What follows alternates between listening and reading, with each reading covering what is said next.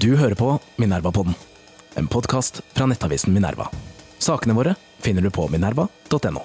Minerva-podden er en podkast fra avisen Minerva. Det er gratis å lytte til Minerva-podden, men det er ikke gratis å lage avisen. Hvis du vil støtte Minerva, kan du tegne abonnement ved å gå inn på minerva.no abonnement, eller du kan vippse oss penger for å vise at du setter pris på podkasten, til mediehuset Minerva. Velkommen som abonnent. Hei og velkommen til Minerva-podden. Mitt navn er Nils August Andresen, jeg er ansvarlig redaktør i Minerva. Med meg i dag har jeg leder for Litteraturhuset i Oslo, Susanne Kalutza. Velkommen. Tusen hjertelig takk. Susanne, du fortalte meg at du er, eh, du synes det er litt skummelt å være her. Og det, er dritskummelt å være her. og det, det skjønner jeg godt, for du er på en måte nå i løvens hule. Ja. Hos den konservative, sånn lett ondskapsfulle, fiskalgniende, uh, reaksjonære delen, delen av podkastlandskapet. Jeg kan trøste deg med at Skalgnien, det var gøy ord. jeg, jeg kan trøste deg med at dette er jo sånn vi alltid er. Vi blir alltid invitert inn til noen sånne snille, liberale mennesker. Skal Ja. Hvorfor vil dere kaste ut alle flyktninger? Hvorfor vil dere legge ned trygdebudsjettet? Hva med brillestøtte? hva med brillestøtte? Og så må vi si nei, det var ikke egentlig akkurat sånn vi mente det. Ja, ja, det er nyansert og vanskelig. Så nå er det du som er eh, i Ja. denne posisjonen.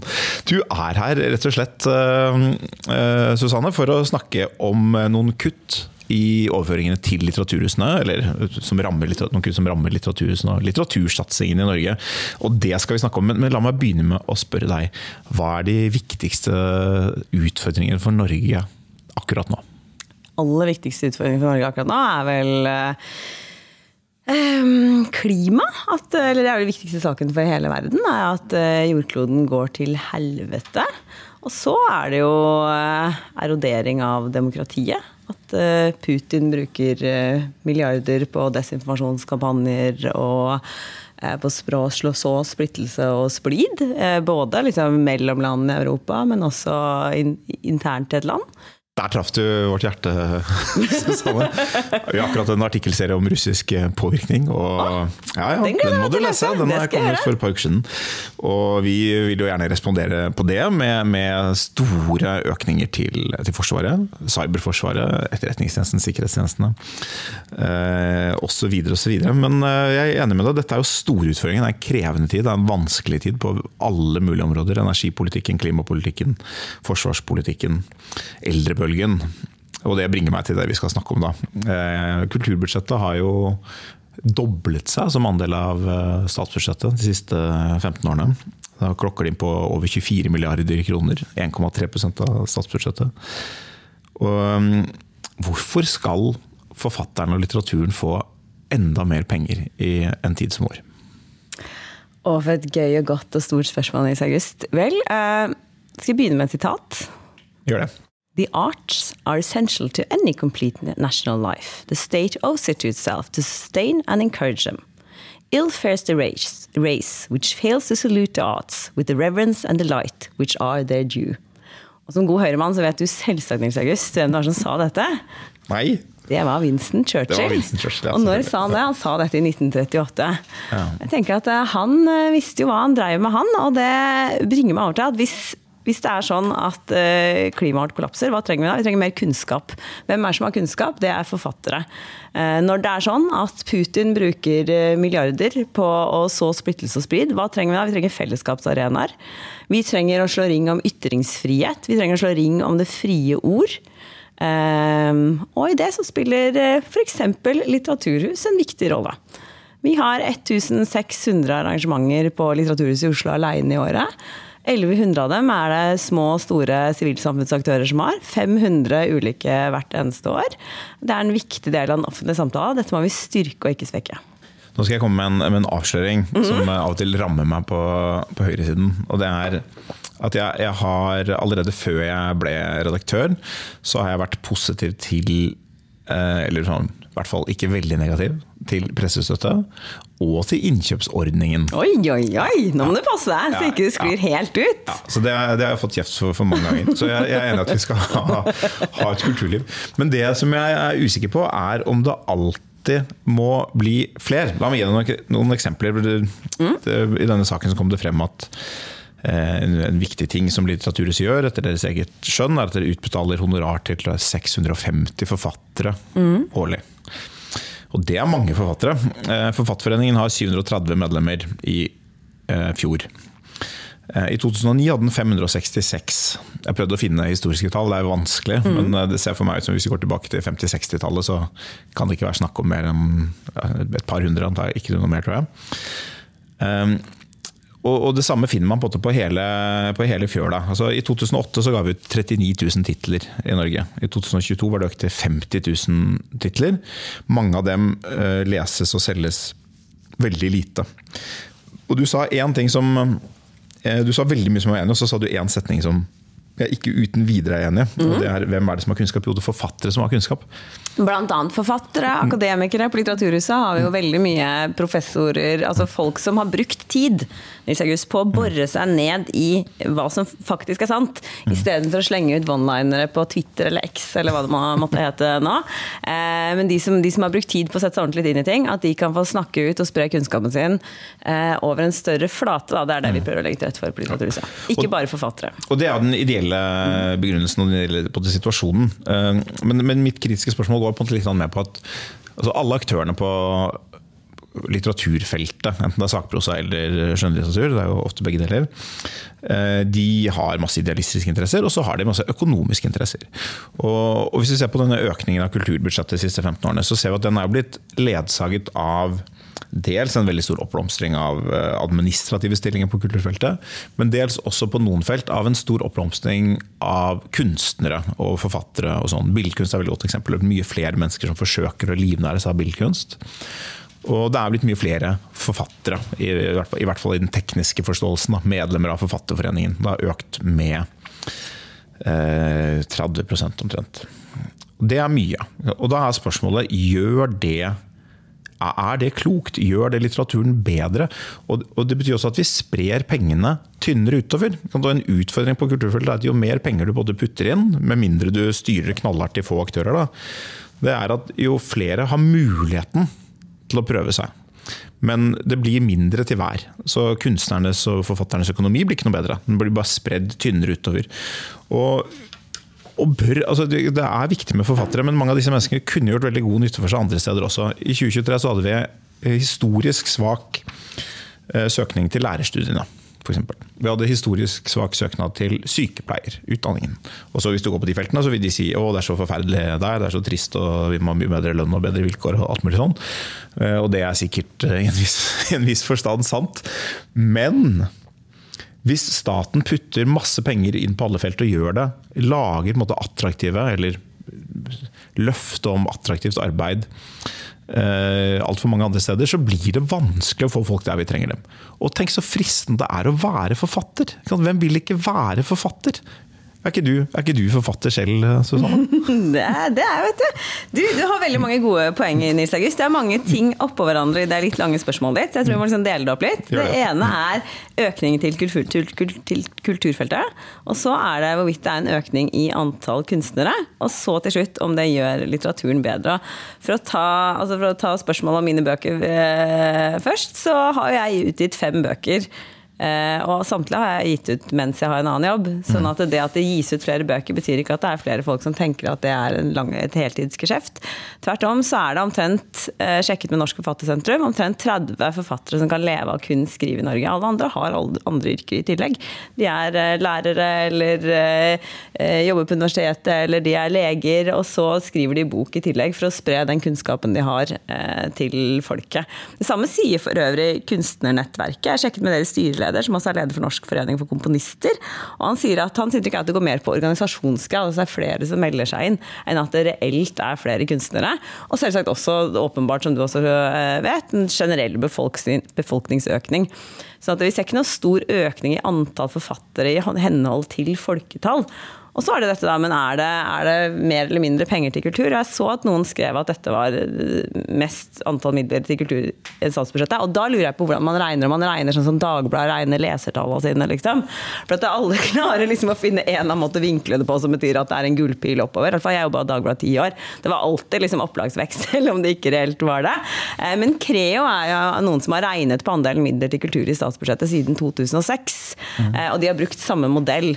Og de sier at den var på sitt høyeste høyeste under Toril Vidvei, faktisk. Eh, I 2014, da andelen var på 0,9, eh, 0,965 i eh, årets forslag så er den på 0,858.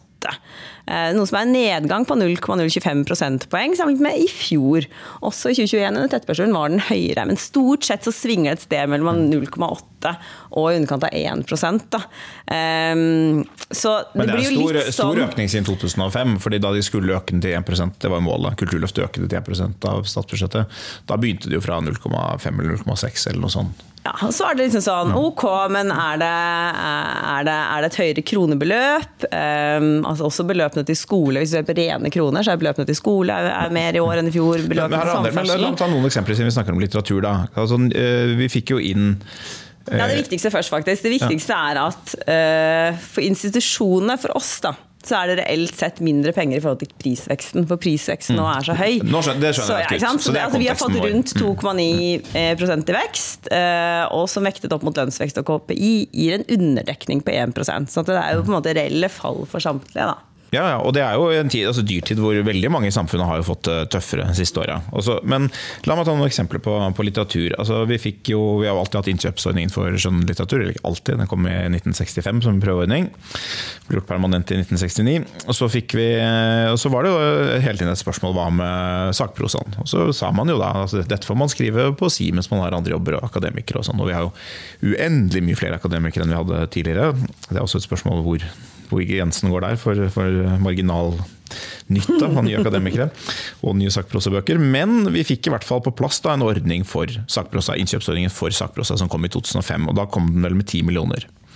Og så økte den, det ga ca. 50 titler, og så økte det til 70 titler under Trond Giske i 2010. Og så økte den videre, øh, vokste den gradvis opp med prisstigning og forskjellige ting, til 25 millioner.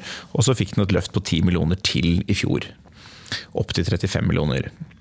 Og så er det, det er noe prisvekst inni, men altså fra 15 år gått fra 10 til 35 millioner. Og fra 50 til rundt 100 titler.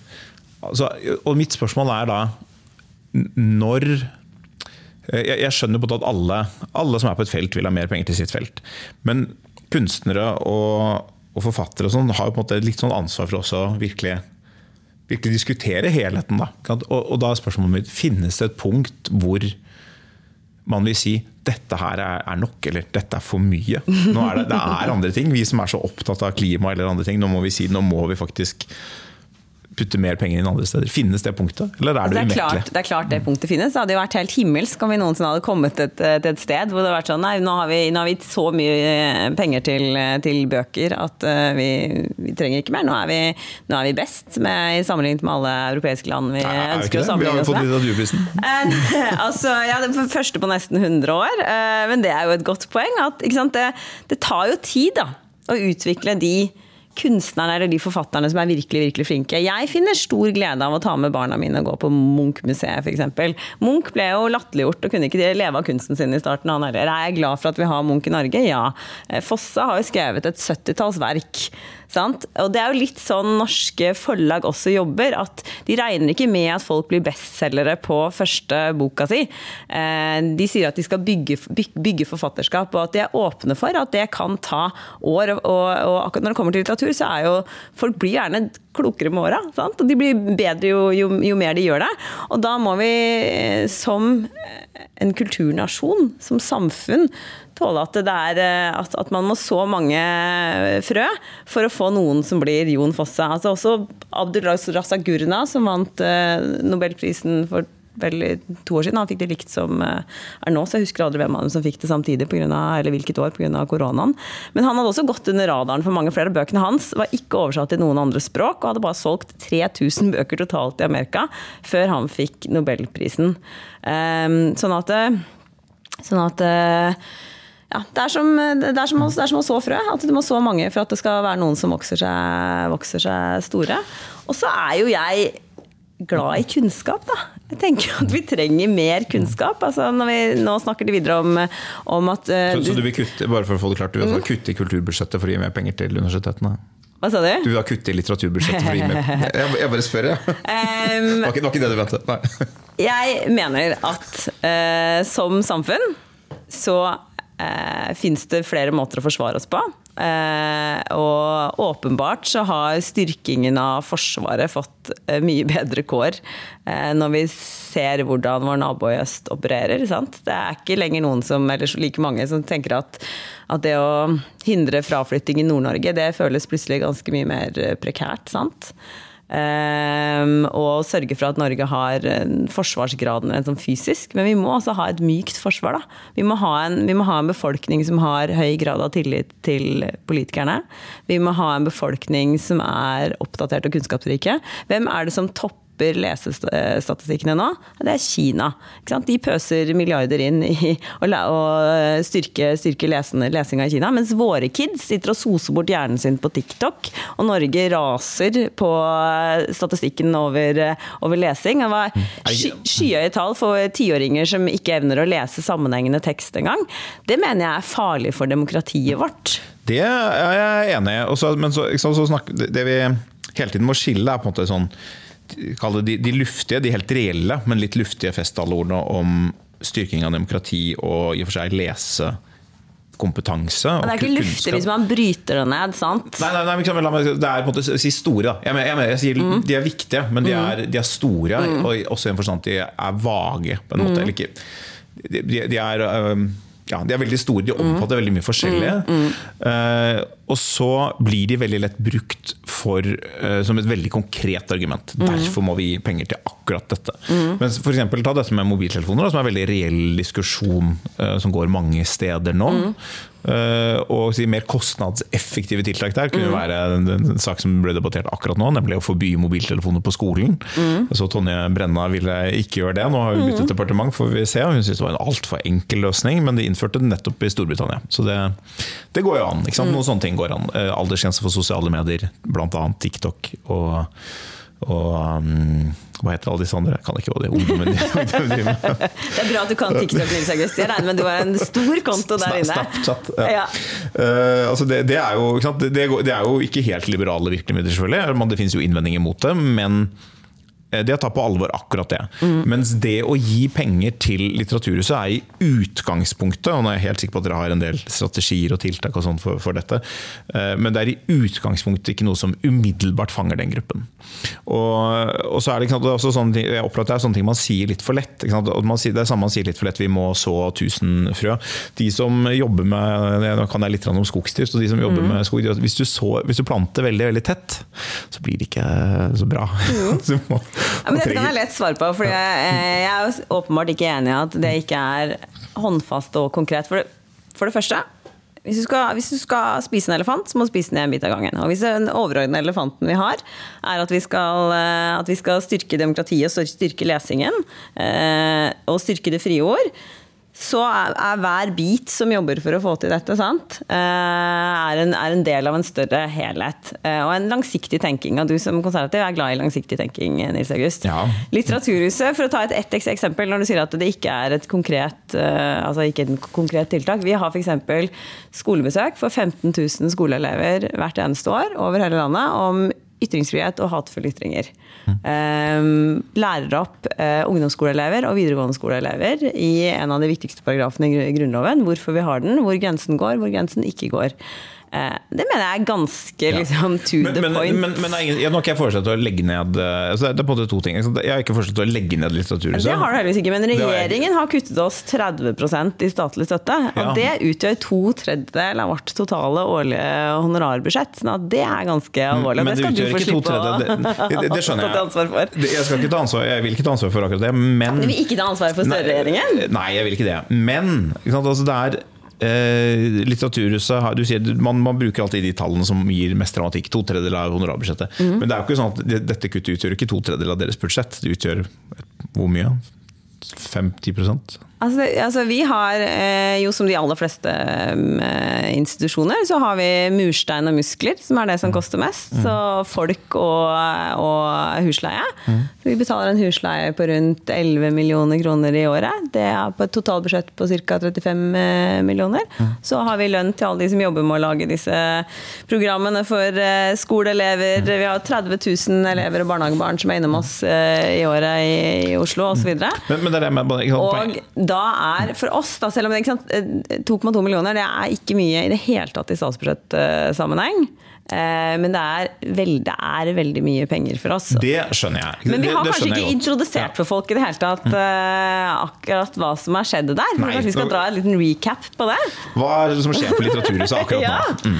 Eh, nei, altså Det kom jo et, det kom jo et statsbudsjett her for en, ja, snart to uker siden. Ehm, og der eh, så er det jo Eller vi kan kanskje begynne med gaveforsterkningsordningen. Det er kanskje en ordning som deres eh, lyttere kjenner til. Det var en, eh, en ordning som ble innført av høyresida når de satt i regjering. Som handlet om at man ønsket å premiere de som klarte å hente penger privat. Eh, Så man fikk en forsterkning, en gaveforsterkning på 25% hvis man har klart å hente midler privat. Eh, Dette er også ment å insentivisere eh, flere private til å gi midler til kultur, sånn at man henter mer penger til feltet totalt. Så var eh, veldig mange gode på dette, på litteraturfeltet. Eh, litteraturhuset i Bergen, Litteraturhuset i Oslo, Litteraturhuset i Trondheim, i Fredrikstad, men også flere av litteraturfestivalene Lillehammer, Bjørnsonfestivalen osv. Og så kommer venstresiden til makta for to år siden eh, og har annonsert at de vil legge ned den ordningen. Eh, deres argument er at det slår ut skeivt. At man da bruker offentlige midler på eh, etter hva som til enhver tid er rik, rik folks smak. Så det, når man så på ordningen, kunne man jo se at det kunne få skeive utslag. At hvis en eller annen rik person testamenterte penger til en trebåtfestival eller en, eh, eller en menighet eller hva enn? Så, så dikterte det at da skulle man få så og så mange millioner fra staten. Så derfor ønsket eh, en av grunnene hvert fall venstresiden ga for å, for å legge ned ordningen. Da rammet man jo eh, en del aktører man sikkert mente å ramme, og så rammet man også ganske mange aktører som man forhåpentligvis ikke mente å ramme. Altså Sykehusklovnene mistet ganske mange millioner, Jødisk museum mistet viktige midler. Alle litteraturhusene eh, og litteraturfestivalene eh, mistet viktige midler. Så ble vi lovet da eh, at disse pengene skulle komme tilbake igjen. Eh, og før sommeren så eh, fikk vi en lovnad fra daværende kulturminister på at det skulle ligge penger permanent inne i budsjett, etter at vi da hadde jobbet og jobbet, jobbet, jobbet, jobbet med dette i to år. Eh, og at det også skulle komme en egen pott til litteraturformidling, til oss som jobber for å spre kunnskap. Og så kom statsbudsjettet, og så har det jo vært et lite statsrådbytte i midten der. Eh, enda et. Eh, og da var ing ingenting av dette lenger inne. Eh, og så nærmer 2024 seg med stormskritt, og da vil vi ha vesentlig mindre, mindre, midler. Så derfor så Derfor så sitter vi vel her i dag, Nils Der- Derfor sitter vi her i dag. Det er riktig. Vi burde kanskje introdusert det litt før. Nå er lytterne klar over da, hva som har skjedd. Mistet noen millioner kroner for gaveforsterkningsordningen. Nå er jo saken den at Jeg er jo egentlig relativt positiv til selve gaveforsterkningsordningen. Til og med når de det du kaller for skjeve utslag. Altså, det er jo på en de er jo skjeve bare i den forstand at det er noe annet enn det staten ville gjort. Ja. Eh, Men det er jo hele poenget med ordningen. Så det er jo, liksom, det er jo ikke en feil i ordningen. Det er jo en innebygget del av ordningen. Det. Eh, Hvis, man hadde, hvis man hadde visst at alle ville gi det til Litteraturhuset, så kunne man jo bare gitt det som en eh, økning på statsbudsjettet med en gang. Eh, Så den ordningen kan man absolutt forsvare. Eh, Det vil jeg tro du kan. Så mitt større tema er på en måte hvordan vi snakker om de totale bevilgningene til kulturfeltet. For det, det ligger jo inne her at det er si, jeg, det, er, det er veldig krevende å kutte 7 eh, i drift eh, når man har masse bundne utgifter. Mm. Men sånn er livet. Du har jobbet i mediene, du vet at de har vært gjennom mange tøffe runder. Det er mulig. Vi har jo altså Pressestøtten den varierer jo med en jojo. Er mest ned Jeg for vår del. jobbet, jobbet i Dagbladet for eh, begynnelsen av 2000. Syns du det er bedre eller dårligere i dag enn Nei, men, men Dagbladet får ikke pressestøtte. Nei, da, altså, men, men nei, Dagbladet er jo en stor historie Men jeg syns du er inne på noe det, her. det skyldes jo litt at VG er blitt bedre, da. Må Det si er det. også sant. Eh, Jeg syns du er inne på noe viktig her. For at dette med eh, frie midler, er bare for å skyte inn et, et poeng til.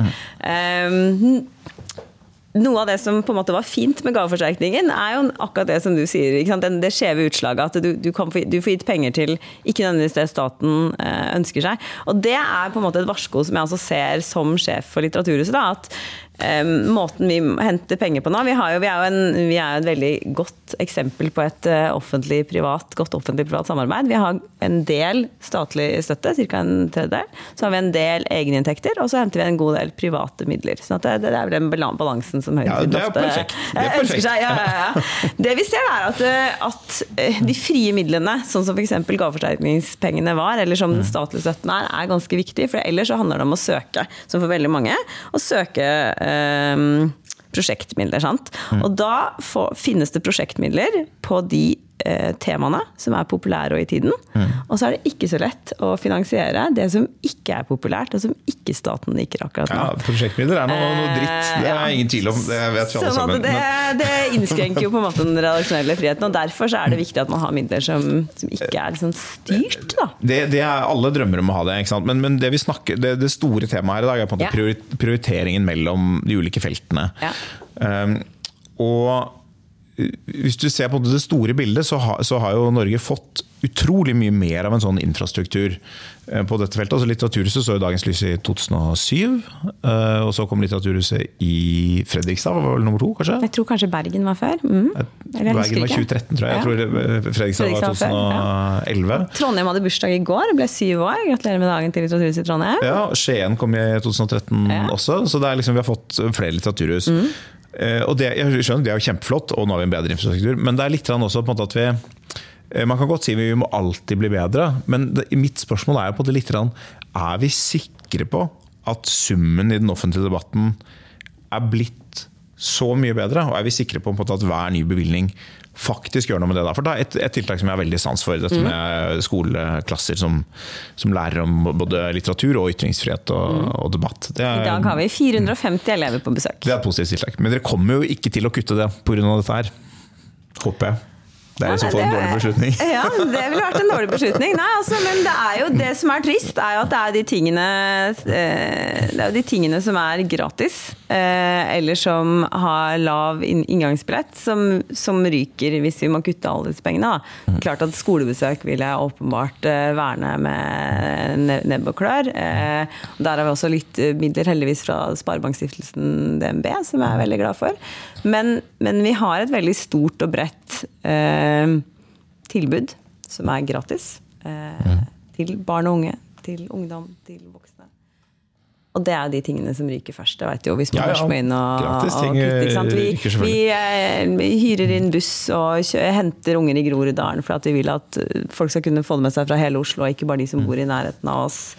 Um, vi har utstrakt samarbeid med ulike organisasjoner som får gratis gratisbilletter til, til arrangementene våre. F.eks. på Gurna så hadde ga vi bort så og så mange billetter til Fellesrådet for Afrika og Caritas og Røde Kors. Men de hadde jo klart å betale for seg. Eh, nei, det hadde ikke, De hadde ikke brukerne. Det hadde ikke brukerne, kan jeg love deg. For vi spurte de, tror dere det er best, for at vi skal jo også passe på at, at, eh, alle, altså at salen er full. Eh, tror dere det er best med liksom, rabatterte billetter, eller tror du det er best med gratisbilletter? Så nei, våre brukere har ikke råd til å betale liksom, Nei, de nei, men 100 organisasjonene kronene. Liksom, sant? betalt. Organisasjonene kunne betalt. De har masse Eh, penger. Men, eh, men eh, så da fikk vi jo veldig engasjerte førstegenerasjons eh, innvandrere fra ulike afrikanske land som kom bort til Gurna og snakket om hvor utrolig stort det var å høre på han. Og noen hadde en fetter eller en onkel som eh, hadde eh, gått på i samme gatene som Gurna i Zanzibar. Men, Men, men her, er alle utgifter på statsbudsjettet har et eller annet formål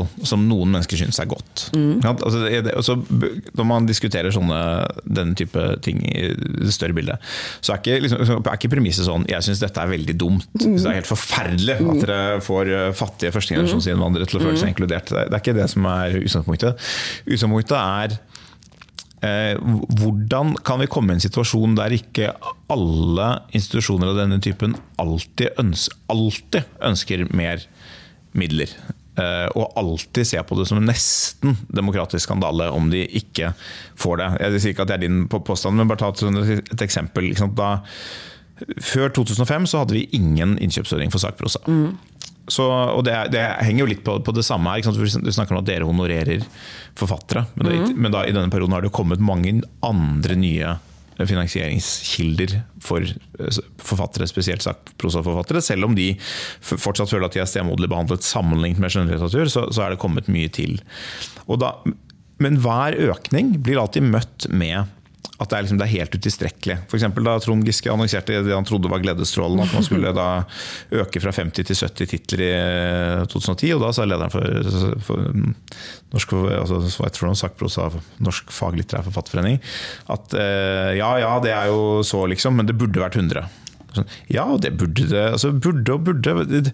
Før var det null, og det var jo masse sakprosa da også. Liksom. Sånn. Altså, jeg kan ikke svare for så veldig mye annet enn institusjonen jeg leder, men jeg er veldig opptatt av at man skal rose politikere når de gjør noe bra også. Så hvis du hadde tatt liksom et Google-søk på navnet mitt i, i, i, media, så er jeg også veldig tydelig på å gi eh, æres den som æres bør. Da. Og. For forrige regjering, når eh, litteraturhusene falt utenfor kompensasjonsordninger, sant? så så gjorde de en god, god, og viktig innsats for at uh, også vi som er stiftelser innenfor. Og er ute i media og påpeker at dette er bra. Jeg sier ikke da å ja, vi skulle ønske at dette var høyere, selv om vi også skulle ønske at det var høyere. sant? Så at, jeg mener jo at alle vi som deltar i samfunnsdebatten har et ansvar for å være liksom edruelige og, uh, og uh, og påpeke også godt arbeid når det gjøres. Da.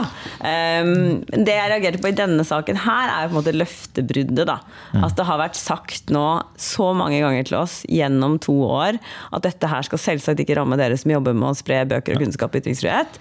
Disse midlene skal komme. Disse midlene skal komme på statsbudsjettet for 2024. Og det er klart at Da blir jeg sint på et annet nivå ja. eh, enn hvis det er sånn å, vi fikk en kopijustering som var litt lav. Det hadde vært fint med noe mer. Hvis vi hadde fått mer, kunne vi gjort enda mer av det viktige arbeidet vårt. Sånn at akkurat løftebrudd det syns jeg man skal holde seg for god til. Eh, og her har de lovet. Vi skal komme tilbake til, til løftebruddet. Men uh, Susanne, hvis du hadde vært eh, kulturminister for én dag så hadde det jo vært kjempespennende, masse visjoner og sånn, men så hadde du kommet inn på sjefens kontor, Jonas Gahr Støre. Han har akkurat hatt masse nye statsråder, er stressa, har mye å gjøre. sånn som i dag. Og det er krise overalt. Og så sier han Susanne, du har, du har bare én dag på deg, og jeg vil at du skal komme med fem kutt på litteraturfeltet. Hvilke ville du valgt var de viktigste og beste kuttene man kan gjøre på litteraturfeltet? Altså, jeg, er jo, jeg liker å jobbe kunnskapsbasert, Nils August. Det mm. første jeg ville gjort da, var å satt meg ordentlig inn i saken som kulturminister. Jeg er ikke kulturminister i dag, så Nei, da håper jeg vi har et godt og velfungerende embetsverk som ville hatt noen oversikter. Mm. Um, og så ville jeg gjort en prioritering ut fra det. Men, Men er det eh, noen utgifter du har tenkt over? Tenkt sånn, Denne utgiften synes høy, eller dette her hadde du ikke trengt å gjøre. Dette her er det for mye av. Altså, jeg er heldigvis ikke min jobb å, å sitte sånn. Men altså, nei, jeg, jeg, vil ikke, jeg, vil ikke, jeg, vil ikke, være Eller heldigvis er jeg ikke en politiker som kan sitte og stunte politikk. Sant? Så det, mm. det, det finnes garantert mm. ting det går an å dra ned på. Og hvis eh, Lubna hadde invitert meg inn på kontoret og sagt sånn her er totaloversikten, hvor er det går an å kneppe inn? Så ikke bare klart å finne noen steder det gikk an å kneppe inn, liksom. Mm. Eh, men det, det, sitter jeg ikke og altså det, det, må du sette deg inn i det må, før du ja, uttaler ham. Ja. Ja, jeg er enig i det. Hvis man skal ha en alvorlig og seriøs samtale, så, så bør man sette seg inn i det. Jeg, jeg, kutt er alvorlig og seriøst. Kutt er alvorlig. men jeg, vil bare nevne noen eksempler på at det er ikke, det er ikke alltid åpenbart for meg at, at alle støtteordninger har så gode konsekvenser som man kan tenke seg. Et, et eksempel som, er, som sikkert er omstridt på mange måter, men det er finansieringen av lyrikk, f.eks. Av lyrikk? Uh, lyrikk er i dag eh, smalere og mindre lest enn det har vært eh, noen gang. Mm. Og det er egentlig ganske rart. Hvis du går 100 år tilbake i tid, mm. sånn Vildenvei den tiden, liksom, mm. Øverland, tidlig Øverland, så var det jo kjempepopulært. Stort. Det solgte mm. like mye som romaner. Mm. Og romaner har jo både holdt stand mm. noenlunde. Så man kan de er truet av film mm. og Snapchat og TikTok, men, men, det leses en god del. Men lyrikk har både totalt kollapset. Mm. Det selger så lite at det er, sånn, det, det, er, det er flaut. også fordi de, de, Hadde de bare solgt til alle vennene sine, så hadde det vært mer. Det er masse av vennene til lyrikerne mm. som ikke kjøper. Og, i det hele tatt. Og det har jo på en måte skjedd samtidig som støtteordningene for lyrikk har vokst frem. Eh, og en utfordring er selvfølgelig at de nokså få lyrikerne som eh, mer eller mindre lever av det, eller som i hvert fall har det som en viktig geskjeft, de lever jo ikke av publikum. De lever av statlig støtte. Og, og forlag, altså ordninger med forlagene da, som er basert på statlig støtte.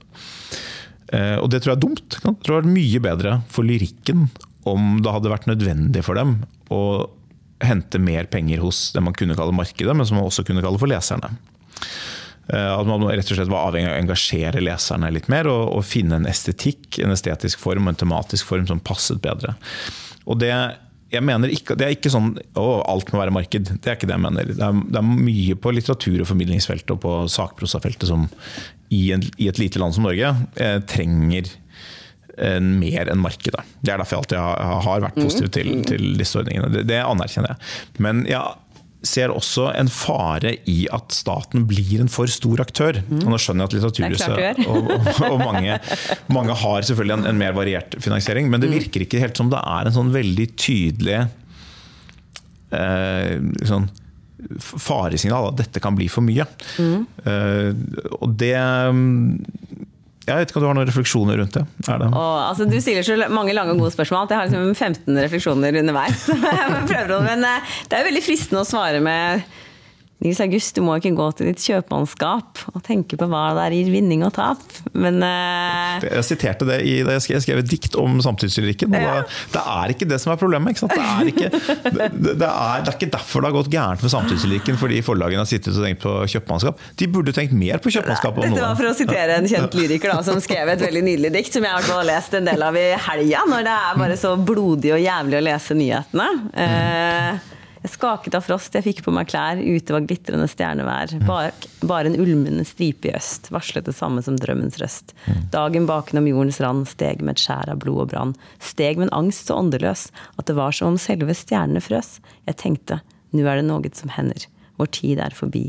Europa brenner. Mm jeg er jo ganske glad vi har eh, gode lyrikere. Da. Jeg er ganske glad for at vi har igjen en, eh, ja. en, en måte å, å dyrke fram de, de, de, de gode på. Dette er jo Arnulf Øverland 1936, du, du, må ikke sove. Du må ikke sove. Mm utgitt helt uten statsstøtte. Ja, glad vi hadde han og Inger Hagerup. Men, men, men, det er liksom. spørsmålet mitt. Altså, jeg er, Nei, for at, er det en automatisk sammenheng med støtte og kvalitet? Nei, jeg kjøper ikke det. Nei, alle støtteordninger staten har er ikke gode. Nei, all statlig støtte er ikke fortjent. For å legge det til grunn. Noe er det. Og mener jeg at man fikk ja, Gi et eksempel. Det er bare ikke produktivt. Altså, vi har jo kjempegode lyrikere, men de selger ikke. Når jeg tok over som sjef på Litteraturhuset for snart fem år siden, så gikk vi en million kroner i underskudd. Mm. Mitt aller første oppgave var å kutte. Jeg er god til å kutte også, Nils August. Jeg klarer det. Eh, og jeg gikk gjennom så egentlig en slags mikrovariant av det du ba meg gjøre på kontoret til Lubna. Da. Gikk gjennom alt vi brukte penger på, og plottet ut ting som jeg tenkte at dette trenger vi ikke mer.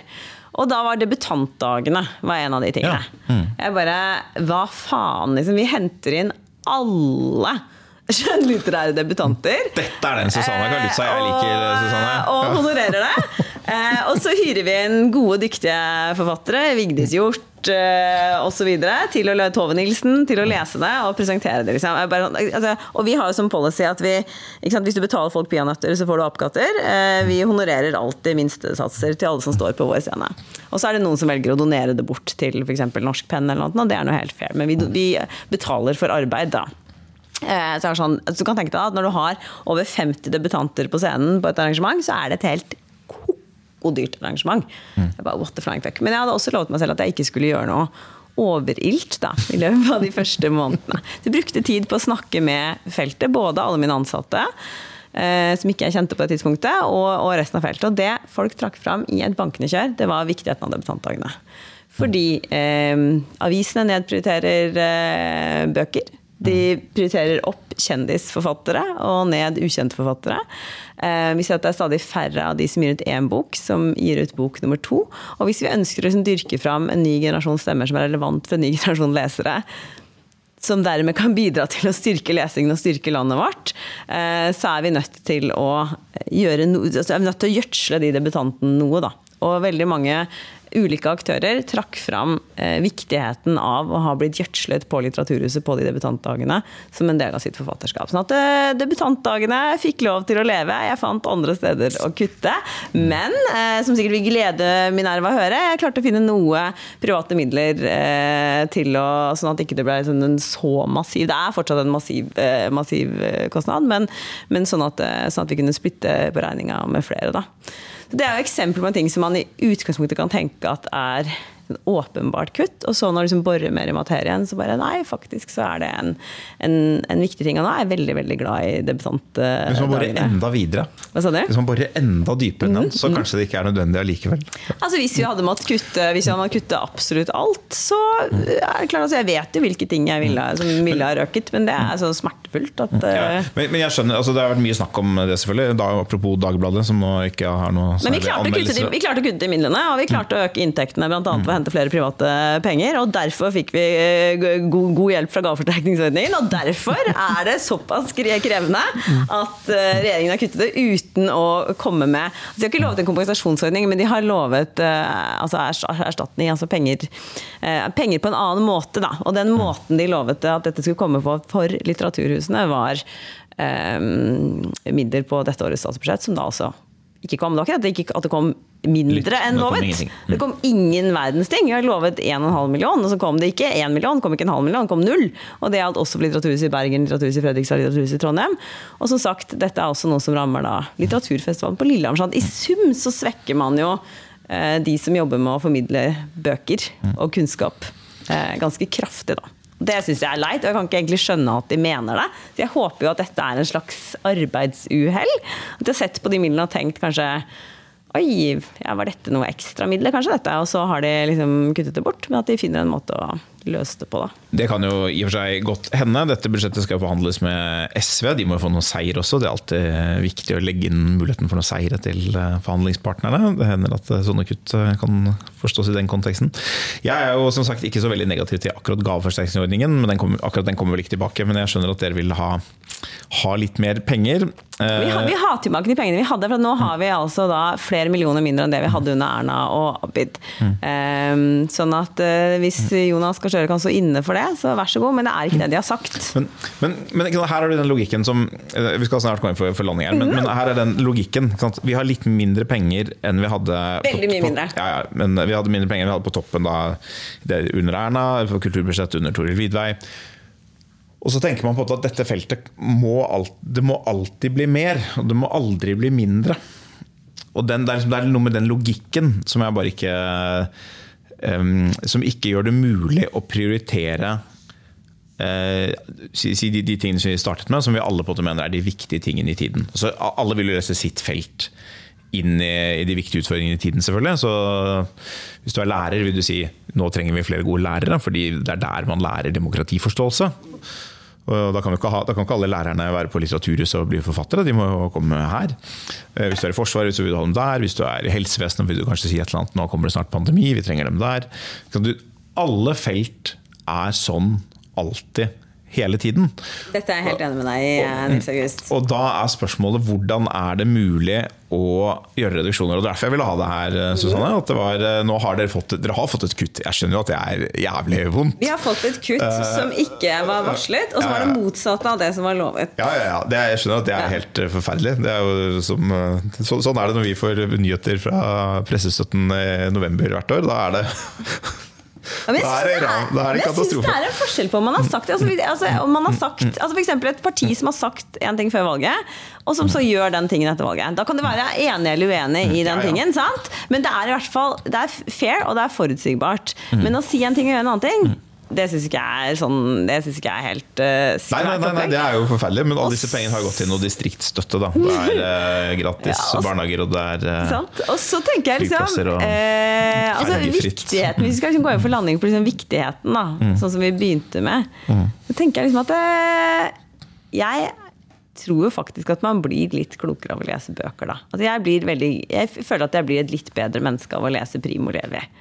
Eh? Da blir det sånn takknemlig. Bøker er en av de ytterst få kunstformer hvor du får lov til å sitte inni hodet på noen andre og være dem. Eh, film er også et vakkert eh, kunstform, men der, da har du jo på en måte utenfra-blikket. sant? Når du leser Primo Levi, så sitter du inni hjernen til en mann som er så uendelig mye smartere enn deg sjæl. Liksom. Og det får du lov til på, liksom, på tvers av eh, tiårene, for ikke å si hundreårene. Liksom. Når du leser Leo Tolstoy da Ivan Ilyich døde, så er du liksom inni hodet på en mann. Det er over 140 år siden den boka var skrevet, liksom, og det føles så friskt og moderne. Og så forteller deg noe så utrolig viktig om det å være menneske. da. Mener jeg at vi fortsatt trenger det i Norge? Ja. Ja, det mener jeg. Det trenger vi. Vi er litt uenige om akkurat hvor mange millioner som trengs. Men Hvor mange millioner ville du gitt til Litteraturhuset at det ga forsterkningsordning, Nils August? jeg ville gitt akkurat én million mindre enn du hadde ønsket deg. Og da ville jeg vært glad i media, fordi såpass raus er jeg. Men eh, kultur og litteratur, det vi kan diskutere hvor viktig det er. Jeg vil helst gi alle pengene til forsvar, men Vil det du var, det på ekte? Nei, jeg vil i hvert fall gi mye mer enn det som er i budsjettet. Ja, helt på ekte. Mm. Ordentlig på ekte. Mange milliarder. Så vil, Derfor vil jeg raske til meg overalt hvor jeg kan finne det. Mm. For jeg synes det det er det aller viktigste som vi kan gjøre noe om. Hva er det nest viktigste da? Få høre. Ja, men det, nest, altså det viktigste feltet er jo klima. Jeg er ikke sikker på hvordan man skal bruke pengene der. Nei, den er det vrien. sånn, så den er litt vrien. Eh, Det er litt annerledes felt. Det krever global handling, som er utrolig komplisert. Eh, Så vi er egentlig enige, da. Jeg også begynt med å si at det er klima og, klima og forsvar, men jeg vil kanskje vektlegge det myke forsvaret. Ja, du vil vektlegge det. Jeg vil ikke vektlegge like hardt, men- mer, litt mer enn deg, men jeg tenker jo også at det harde forsvaret må ha middag. Helt åpenbart. Men, men det jeg vil si er at Man kan diskutere akkurat hvor viktig litteratur er, men det er i hvert fall viktig nok til at det fikk komme og ha en hel episode i Minerva-podden. Så takk- hyggelig å være her. tusen takk for at du kom. Takk.